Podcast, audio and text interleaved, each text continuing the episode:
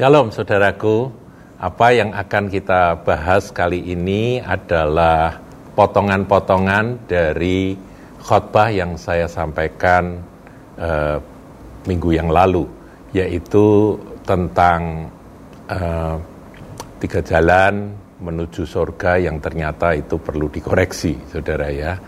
Uh, apa yang disampaikan oleh hamba Tuhan itu. Nah, salah satunya yaitu ayat firman yang terkenal yang tertulis di dalam Matius pasal yang ketujuh, ayatnya yang ke-21.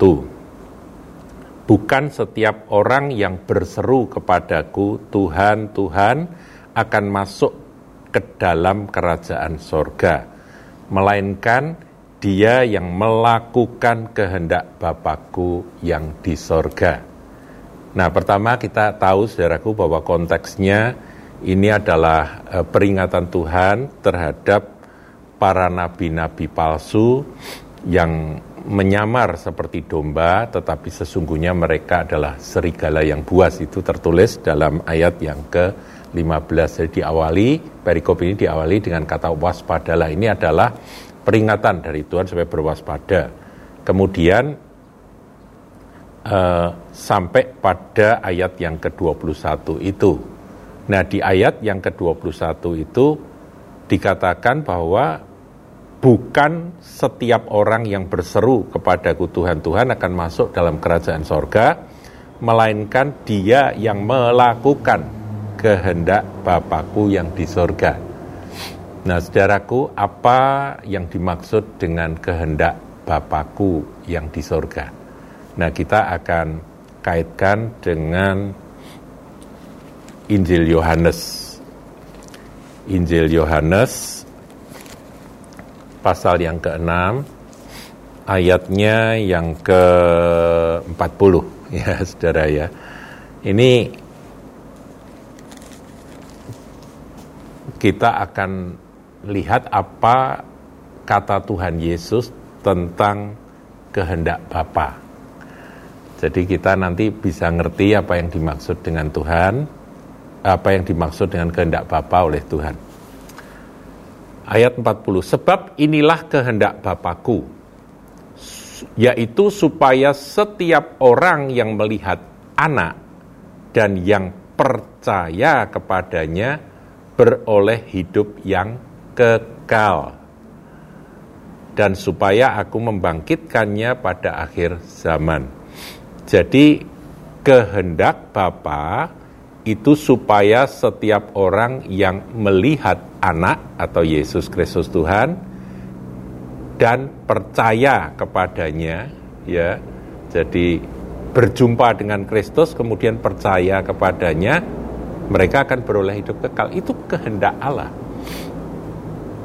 Jadi kehendak Allah itu adalah ketemu dengan Tuhan Yesus sang juru selamat kemudian percaya menerima dia sebagai Tuhan dan Juru Selamat dan beroleh selamat, yaitu beroleh hidup kekal, supaya nanti beroleh kebangkitan pada akhir zaman. Itu kehendak dari Bapa Surgawi. Jadi kalau tadi di dalam Matius 7 ayat 21 dikatakan melakukan kehendak Bapa itu pertama ini dulu yang dikerjakan. Ya, jadi kehendak Bapa itu percaya kepada Tuhan Yesus. Nah, tentunya nanti ada kelanjutannya, saudaraku ya. Percaya itu seperti apa itu ada kelanjutannya. Tapi ini dulu kita pegang. Lebih mendalam lagi kita lihat ayat 28. Ini pertanyaan dari orang banyak kepada Tuhan Yesus.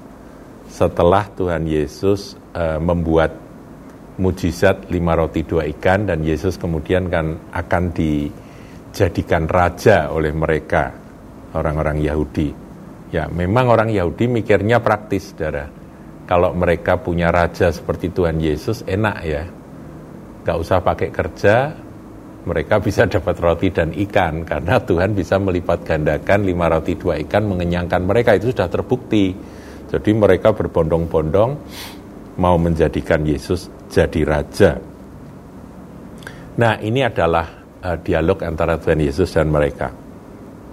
Ayat yang ke-28, lalu kata mereka kepadanya, apakah yang harus kami perbuat? Nah, ini masalah perbuat itu kan masalah uh, tindakan, saudaraku. Tindakan apa gitu ya? Yang harus kami lakukan supaya kami mengerjakan pekerjaan yang dikehendaki Allah. Jadi mereka ini pertanyaannya bagus, saudara. Apa yang harus kami perbuat supaya kami mengerjakan pekerjaan yang dikehendaki oleh Allah? Bukankah ini juga pertanyaan yang e, muncul dalam hati orang-orang yang memang merindukan untuk menjadi pelaku-pelaku dari apa yang dikehendaki oleh Tuhan, untuk melakukan apa yang menjadi kehendak Tuhan, mengerjakan apa yang menjadi kehendak Allah. Ayat 29, jawab Yesus kepada mereka, inilah pekerjaan yang dikehendaki Allah, yaitu hendaklah kamu percaya pada dia yang telah diutus Allah. Saudaraku, kalau kita meneliti dalam bahasa Yunani atau bahasa aslinya, dua ayat ini sebetulnya ada perbedaan ya ketika sampai pada kata pekerjaan.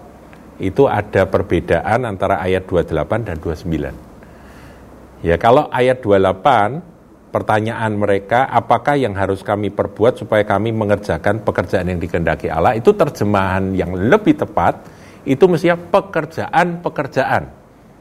Ya, karena dipakai kata uh, erga itu jamak. Saudara bisa uh, download akan Alkitab dalam bahasa Ibrani dan Yunani, nanti saudara bisa temukan ini. Itu erga. Erga itu artinya pekerjaan dalam uh, kata jamak. Jadi works dalam bahasa Inggrisnya, ya. Jadi pakai s belakangnya. Apakah yang harus saya perbuat supaya kami mengerjakan pekerjaan-pekerjaan yang dikehendaki Allah? Jadi pekerjaan apa saja atau kami itu mau melakukan banyak pekerjaan begitu ya untuk berkenan kepada Allah kehendak yang sesuai kehendak Allah.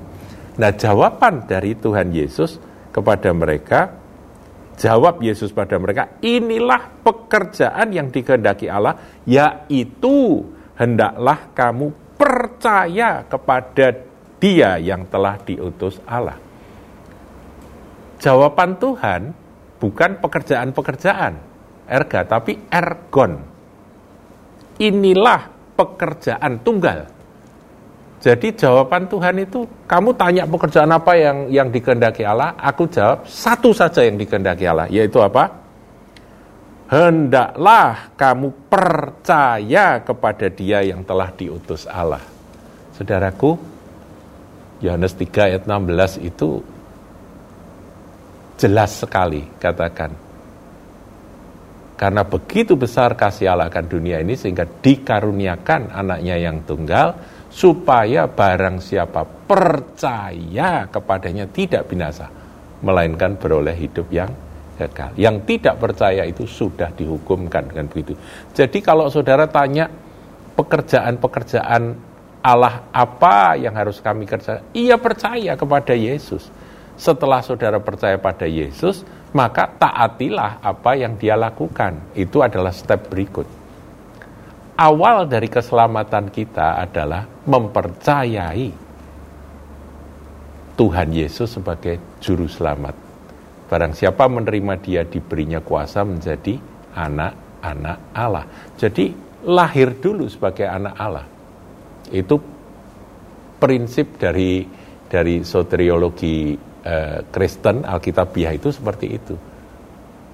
Nah, saudara lahir dulu, yaitu dengan cara menerima Dia sebagai Tuhan, percaya kepada Dia sebagai Tuhan dan Juru Selamat, kita lahir baru.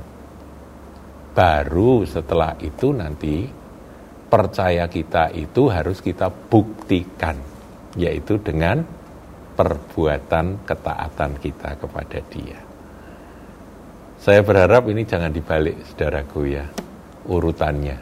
Percaya dulu, terima dulu keselamatan, lahir baru dulu.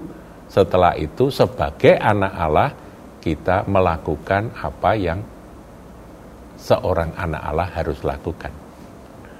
Jadi gambarannya begini, saudaraku, so, eh, bayi lahir itu bayi itu nggak berbuat apa-apa, dia ya di, dia dikasihi, disayangi oleh ibunya, oleh ayahnya karena dia anak dari kedua orang tuanya. Saudara ketika bayi, oh egois banget loh saudara, ya. Pokoknya lapar, nangis, begitu aja, langsung orang tua bingung. Buatin susu, ya kalau ASI masih ada ya langsung disusui oleh ibu gitu ya. Anak lapar tinggal teriak saja. Pengen pipis ya tinggal ngompol saja. Pengen uh, buang BAB ya langsung aja gitu ya, oh, bayi saudaraku ya. Tapi disayang. Nah, seperti itulah kasih karunia Tuhan kepada kita karena kita anaknya. Namun masalah anak ini nanti bertumbuh, dia belajar berbicara, belajar tata krama, belajar bagaimana mereka uh, eh, dia harus menuruti akan kedua orang tuanya, dan seterusnya itu pertumbuhan. Tapi jangan dibalik, saudaraku. Ya, karena engkau melakukan hal-hal yang berkenan pada orang tuamu, maka kamu adalah anak gitu ya. Seringkali kan ada begitu. Kalau kamu nggak melakukan ini, kamu bukan anakku gitu ya. Eh, Tuhan tidak gitu, saudaraku. Kalau kita anak, ya kita anak. Tapi kalau tidak melakukan ya tidak melakukan apa yang menjadi eh, kata-kata dari dari Bapak rohani kita, Bapak kita secara rohani yaitu Allah Bapa melalui firman-Nya yaitu Yesus Kristus Tuhan. Ya itu soal lain, saudaraku. Soal lain ya. Kita akan dipukul, kita akan dihajar itu nanti ada urusannya. Tapi kita harus ngerti bahwa pekerjaan yang dikehendaki oleh Bapa, oleh Allah adalah percaya kepada Yesus. Tuhan Yesus berkati.